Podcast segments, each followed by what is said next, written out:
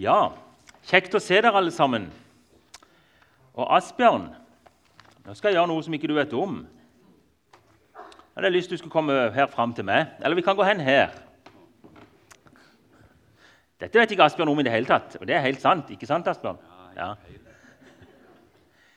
Du, du er gammel nå, Asbjørn, ikke sant? Du, du er voksen nå, mener jeg. Sånn, ja. Nå. Ja. Du er voksen, du, Asbjørn. Ja, ja, ja. Begynt å bli litt. Ja. Ja. Det du ser her Ja. Når du var gutt, Asbjørn Du har vært gutt. ja. Ja. Så Hvis du skal tenke tilbake til den tida du var gutt, Ja. og hva jul, er aller viktigst gutteminnet fra de tid når du var i jula når du var gutt. ja. Du vet, det er vel Det er vanskelig. Det er vel pakkene og sånn, men det er jo spesielle ting der som Ja, Hadde dere pakker? ja. ja. Var det Lego? Svære pakker. Og hva er det oppi de? Det kunne være Jeg husker spesielt en, en trøbil. En svær trøbil. En ordentlig, så ut som en ordentlig bil. Og Far min hadde lagd liksom, eh, karosseriet i tre. Og så hadde jeg en onkel som var eh, verksmester på et uh, bilverksted. Og han hadde sveisa sammen alt det der du at du skulle, med trøing og det Ja, hele. Ja. Og så lagde de en til hver. Vi var fire gutter, og de var fire gutter. Så en trøbil. Ja. Men, men hvis vi tenker på det som jula handler om, har du noe spesielt minne om det? Eller åssen du tenkte på det når du var gutt? Um, altså, hos, I vår familie så var det det at uh, far min han leste juleevangeliet før vi skulle spise. Ja. Det, så Men- det kan du nesten utenat nå. Ja, kan vel nok det. Juleevangeliet. Ja, tenk vi har fått det. Det er ikke alle som har fått det. Nei? Og så er det en bit av juleevangeliet og det vi skal komme litt inn på i teksten i dag. At alle må få del i juleevangeliet, i ord om korset og budskapet om Jesus. Ja. Takk skal du ha. En trøbil, da. Husker du det? ja. Rød med svarte streker, ja. Mm.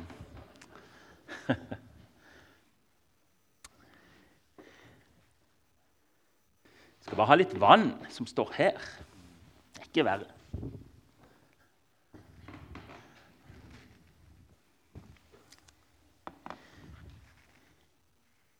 I dag skal vi i teksten få møte en mann som vi ikke vet nesten noen ting om. Og da er alltid jeg sånn at jeg syns det blir litt sånn åh, Kunne vi ikke visst litt mer om han? Og eh, Vi skal lese sammen. Der står det vi vet om han, i Lukas 2, fra vers 25 og til 35. Og da reiser vi oss. Lukas 2, vers 25 og til 35. Og se, det var en mann i Jerusalem som het Simeon. En rettferdig og gudfryktig mann. Han ventet på Israels trøst, og Den hellige ånd var over ham. Det var åpenbart for ham av Den hellige ånd at han ikke skulle se døden før han hadde sett Herrens Messias. Han kom til tempelet drevet av Ånden. Da foreldrene kom inn med barnet Jesus for å gjøre med ham som skikken var etter loven, tok Simeon ham i armene sine, lovet Gud og sa:" Herre, nå kan du la din tjener fare herfra i fred, etter ditt ord. For mine øyne har sett din frelse, som du har beredt for alle folks åsyn, et lys til åpenbaring for hedningene og en herlighet for ditt folk Israel. Og Josef og hans mor undret seg over det som ble sagt om ham. Og Simeon velsignet dem og sa til hans mor Maria.: Se, denne er satt til fall og oppreisning for mange i Israel, og til et tegn som blir motsagt. Men også din egen sjel skal et sverd gjennombåre, for at mange hjertets tanker skal bli åpenbart. Amen.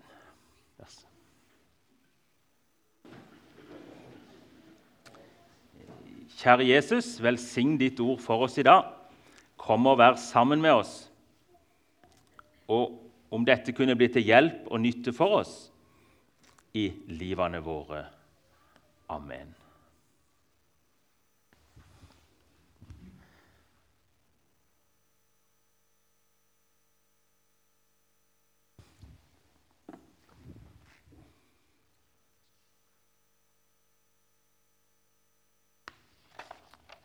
Israel venta på Messias.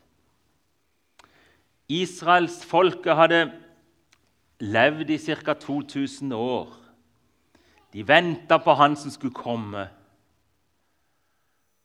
De levde i den gamle pakt, i pakta som gikk tilbake til Abraham, til løftene som var gitt,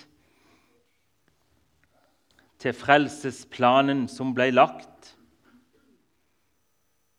forventningene som ble bygd opp, løftet om at Abrahams ett skulle bli, bli et folk og bringe velsignelser til andre folk på jorda. Og så kom dette vippepunktet, vendepunktet. Så kom verdens frelser.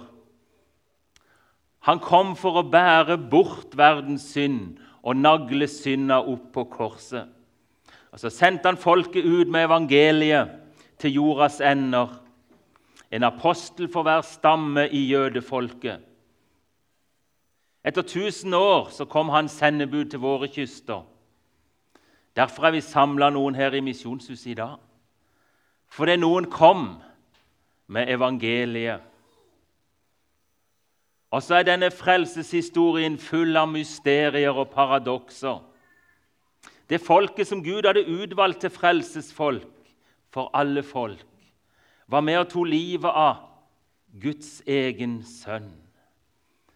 Noe av drivkraften for apostelen for apostlene som brakte evangeliet videre til andre folkeslag, det var at de ble jagd ut av synagoger. De ble kasta stein på, og de ble jagd fra by til by. Og så gikk lyset, ord om korset, videre. Og så ble på en måte løftet til Abraham virkelighet. Så ble velsignelsen brakt fra by til by på rekordtid. Og Så kaller Paulus det for et mysterium. Og Paulus han formidler flere steder en profeti om at jødefolket en gang skal vende om. Og han åpenbarer en merkelig side med Guds plan. Med at jødefolket avviste Jesus og jaga hans apostler fra by til by, så kom altså evangeliet ut. Men så sier han at en gang så skal jødefolket vende seg til ta imot evangeliet. Og Når, når det skjer, så, det, så, blir de et redskap for fantastiske vekkelser. Jeg leste om at det var kanskje to til fem land som det ikke fantes jøder i i dag. Veldig få land, i alle fall. Når jødefolket som folk venner seg til Messias og til den han er, så er de spredd rundt over store deler av verden. Så får de virkelig være med i å nå ut med evangeliet. For da er de på steder der de kjenner kulturer, der de kjenner folkeslag, og der de kjenner språk. Nå I romjula hadde vi besøk av noen av nye utsendinger som var hjemme på julebesøk. De har lest språk og kultur og lært litt om folk og kjempa med varme osv. osv. Mens de som er etablert en plass og så tar imot Jesus, har mye lettere for å nå inn med evangeliet. Og så møter vi disse to, to personene i dette avsnittet av Bibelen. Nå stopper vi opp for Simon i dag, men det reiser med noe annet som det står om òg i samme avsnittet. Vi får et nærbilde av en gammel mann. De tilhørte den lille resten av jødefolket som vi hører om så ofte i gammeltestamentlige profetier, og som Paulus skrev om i romerbrevet. Om Israel var så tallrikt som havets sand, skal bare en rest bli frelst. En rest som Gud har valgt ut av nåde, står det i Romerne 9. Simon og hun Anna Fanuels datter var representanter for denne resten. Et flott, jeg synes det er et fantastisk bilde av disse to gamle som venter på frelse for Jerusalem. Og i, salma, i Salmenes bok i Bibelen vår så fins det et uttrykk for sånne som Simon og Anna. Og Det er et uttrykk jeg har lyst til å løfte fram i formiddag. Et uttrykk som vi kanskje ikke setter nok pris på. Og det er de stille i landet. De stille i landet. Er det noe positivt, da? Ja, la oss dvele litt med det i formiddag. Jeg syns det er et vakkert uttrykk. Midt i folket som virra hit og dit, som lot uretten blomstre, så fantes det noen rettskafne, gudfryktige, som venta trofast på den tida som Herren Gud ville gi. De tok ikke skeia i egen hånd. De provoserte ikke fram ei løsning før tida. Det var noen seloter, det var noen folkegrupper som gikk, og det var noen av folket som ville bruke våpen og makt. Nei, de gjorde ikke det. Livsmottoet for disse stille i landet, det var 'vent på Gud', 'vent på Herren', 'bi på Herren'. Var det noe å ta med seg inn i et nytt år, over våre liv? Vent på Gud, vent på Herren. Vil du vente på Han inn i et nytt år? I salmene så står det mange sånne flotte vers. Salme 37. Vær stille for Herren og vent på ham. Bli ikke brennende harm på den som har lykken med seg, på den som setter onde planer i verk. Vent på Herren og følg hans vei. Han løfter deg opp så du arver landet. Vent på Herren Israel, for hos Herren er miskunn. Jeg vil, ikke, jeg vil gjengjelde Si ikke 'jeg vil gjengjelde ondt med ondt'. Vent på Herren, så hjelper Han deg. Og Så står det i Jesaja 30, og fra vers 15.: Hvis dere vender om og holder dere i ro, da skal dere bli frelst. I stillhet og tillit skal deres styrke være. Så står det om folket som folk. Men dere ville ikke. Nei, med hester vil vi fare av sted. Så står det ja, raske blir de som forfølger dere. De stille i landet. Var det sånn eremitter som levde langt vekk fra folk? Var det sånne som døperen Johannes? Han var iallfall ikke stille. Nei, det var ikke det. Hvem var de, da? De levde tydeligvis ikke isolert fra omverdenen. De opplevde gnisninger og slitasje fra alle som ville provosere fram sine løsninger. De som vrei og vrengte på sannheten. De som ville gå snikveier for å oppnå politiske mål.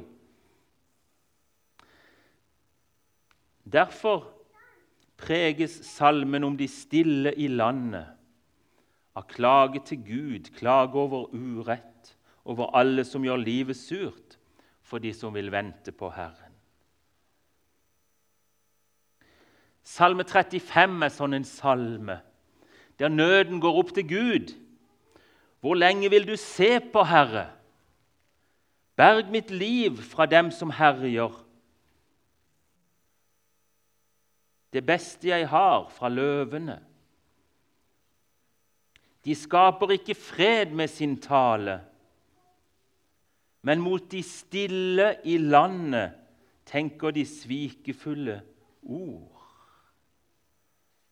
Du har sett det, Herre. Vær ikke taus. Vær ikke langt borte fra meg, Herre. Reis deg, våkn opp fra, våkn opp og skaff meg min rett, min Gud, og før min sak. Døm i din rettferd, Herre. Min Gud, la dem ikke triumfere over meg. Det så så mørkt ut for de stille i landet. I mange hundre år så, så det helt mørkt ut. Det var som om alle andre vant. De vant fram.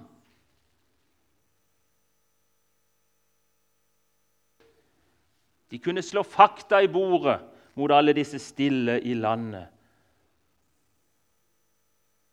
Derfor kommer nødropet fra disse stille. Reis deg, våkn opp og skaff meg min rett, Gud.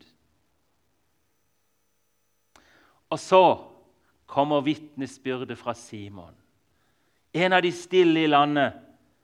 Jeg har sett det med egne øyne. Med egne øyne har jeg sett din frelse.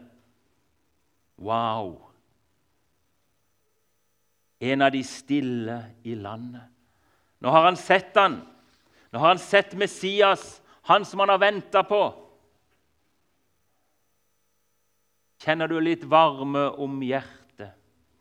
Når du leser om disse menneskene som venta og håpa De kunne være tålmodige, og de kunne være utålmodige. Ja, de kunne være desperat utålmodige i perioder, men de retter håpet mot Gud. Foreldrene til døperen Johannes, hører det sto om de. De var begge gudfryktige mennesker som levde etter alle Herrens bud og forskrifter, og ingen hadde noe å utsette på dem. For et vitnesbyrd! Og Så gikk Jesus inn i denne tradisjonen, og Jesus gikk fram i alder og visdom og var til glede for Gud og mennesker, står det i Lukas 2, 52. Og hva står det om de første kristne på pinsedag? Legg merke til at Simon var leder av Den hellige ånd, av Guds ånd. står det. Om de første kristne på pinsedag så står det, eller etterpå de holdt sammen. Hver dag samla de seg trofast på tempelplassen. I hjemmene brøt de brødet de spiste sammen med oppriktig og inderlig glede. De lovet Gud, og alle satte pris på dem. Hver dag ble nye mennesker frelst, og Herren la dem til menigheten. Av og til trenger vi å la sånne beskrivelser synke inn i oss. Av og til trenger vi å feste øynene på det helt, helt enkle det er noe godt Gud vil med menneskene.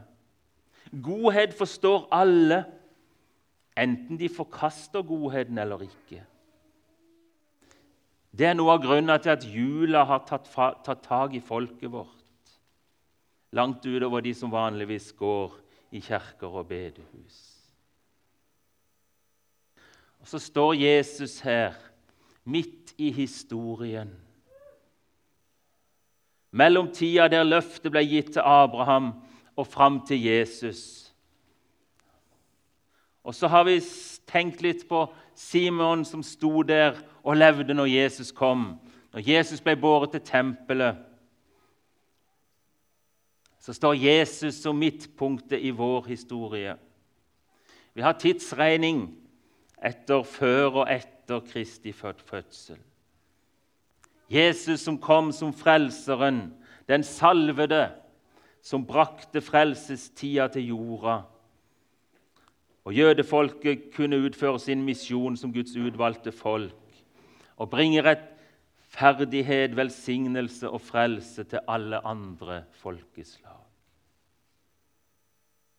Så varsla Simeon at det skulle ikke bare være harmoni rundt Jesus. Han kom ikke bare til de stille i landet, men han kom til de stille i landet.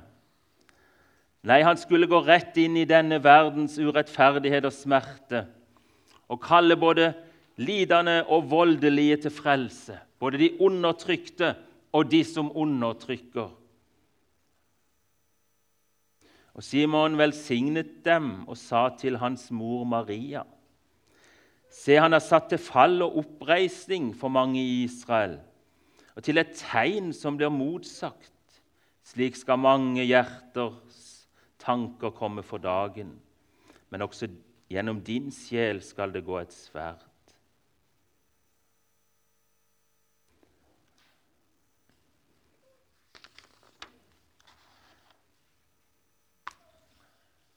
Så vil jeg si litt om mange flokker og to flokker. Mange flokker og to flokker. i vår tid, i den nye pakts tid, fram til Jesus kommer og setter alle ting i rette stand, og det blir en ny himmel og en ny jord, så er evangeliet på vei ut til stadig nye folkeslag. I Peru har den nasjonale kirka nå tatt skritt for å nå videre ut med evangeliet. Så ser vi Kjell Jaren står der og sier disse fra Peru vil kanskje nå inn med evangeliet til grupper som ikke vi hvite nordmenn så lett vil nå inn til. Så lever vi i denne misjonstida. Så er vi i denne mellomperioden, og så er det mange flokker.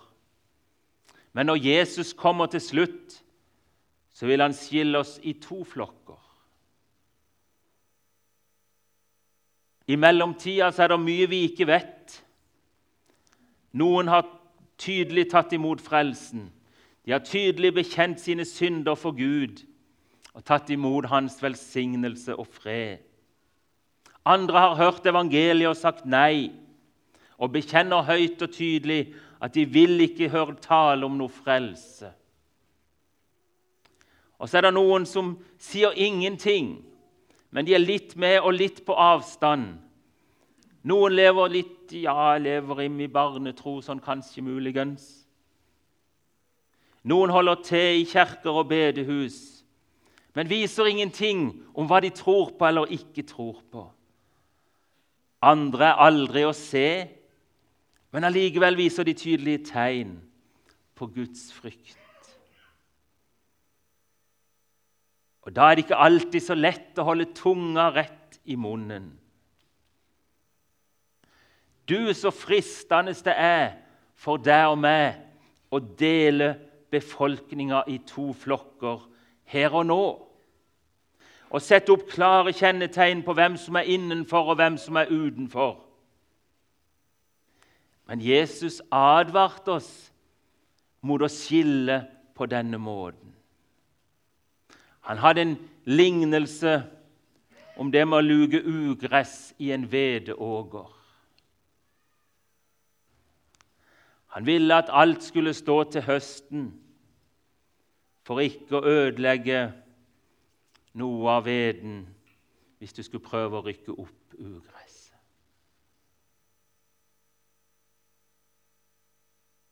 Samtidig så fristes vi i dag til å skyve fra oss den sannhet at en dag skal det være bare to flokker. Og så er det så lett å gjemmes bort i at 'det går nok bra, skal du se'. En kan ikke vite hva som bor innerst i hjertets holdning. Det går nok bra, tralalala, hipp hurra. Det er den andre sida vi kan falle i ei grøft. I det ene tilfellet så kan vi ta dommens dag på forskudd, og i det andre tilfellet så kan vi togelegge hele dommens dag. Når vekkelsene kommer, når det er vekkelsesluft, så er vel faren størst for at mennesker kan støtes vekk. Mens i våre tider er det større fare for at ikke folk blir hjulpet fram til en nødvendig avklaring i forholdet til Jesus. For kanskje er vi for forsiktige og feige til å utfordre noen.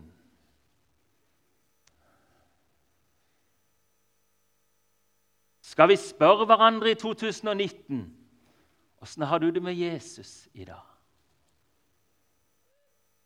Har du noe vi skulle Åssen har du det i dag med Jesus?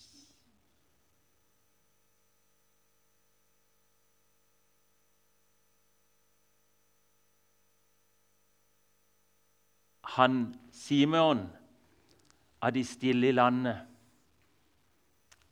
Han hadde fått se Messias. Har du fått se Guds frelse nå i jula? Har du fått et fornya syn på Jesus? Vi må nå videre med evangeliet.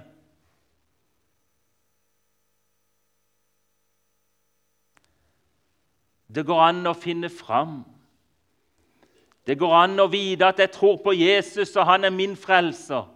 Vi trenger ikke leve i et togeland. Det kan komme tvil, det kan komme tunge tak og tider. Absolutt. Men det er ikke der vi skal leve. Vi skal få lov å vite Jesus er min. Jeg hører Jesus Kristus til. Jeg vet at han er min frelser. Jeg vet at mine synder de henger på Jesu kors for Jesus skyld. For han kom for meg, og han kom for deg. Og Jesus skal så visst ikke knuse et knekka siv eller slokke en rygende vege. Men han vil ikke at vi bare skal ulme resten av livet. Han vil være soloppgangen i våre liv. Han vil tenne et lys som skinner klart for oss sjøl og for alle.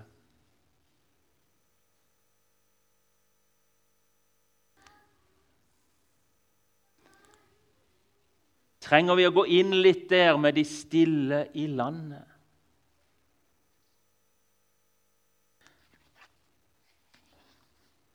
Jesus, jeg vil inn i ditt ord.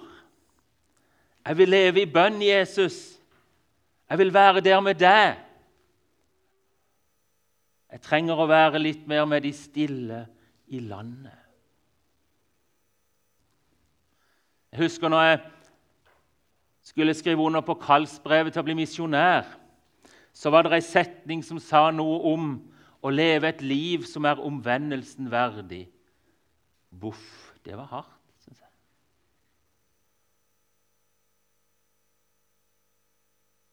Men for Jesu nådes skyld så vil jeg leve der.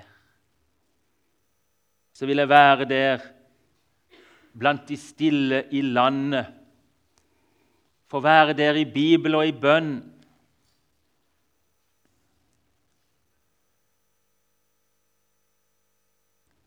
Nå er misjonens tid, var det egentlig Simon sa.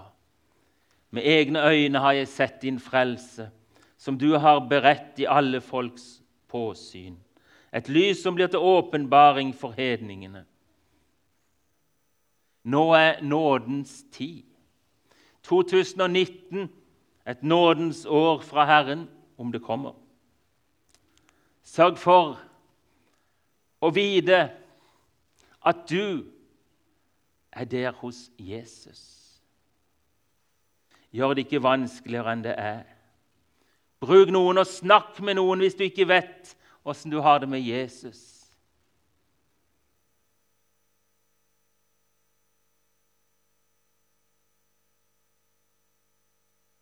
Stille i landet.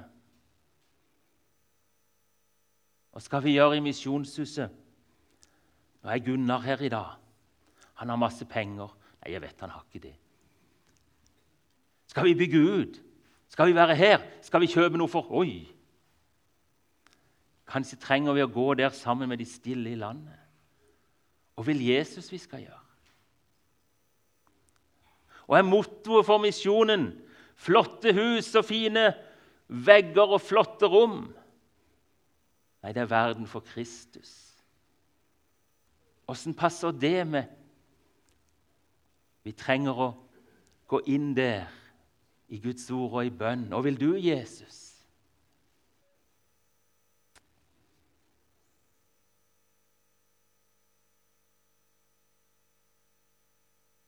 Mine øyne har sett din frelse, som du har beredt for alle folks åsyn.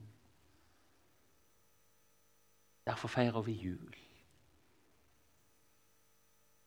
Jesus, du er min frelser. Så vil jeg være der i din nærhet, i Bibel og bønn. Så er det mye bønn inn i et nytt år.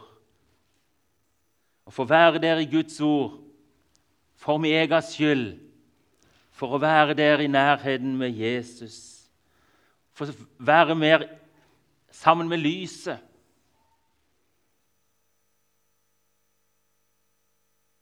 I, eh, for noen uker siden så kom det plutselig ei flott stjerne på sida av månen, som lyste så voldsomt. Og så forsvant hun igjen. Hun har vært vekke noen uker nå. Jøye meg her på den uka når kona mi Eva gikk på jobb. Så kom hun hjem og så sa hun, nå har jeg sett stjerna igjen. Nå er hun der igjen. Skal vi la lyset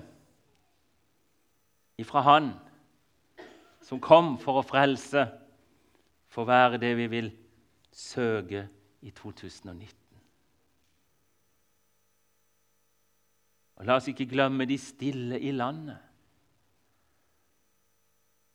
De stille som vil inn i Guds ord, og som vil leve i bønn og leve et rettskaffent liv for sin Herre og Frelser.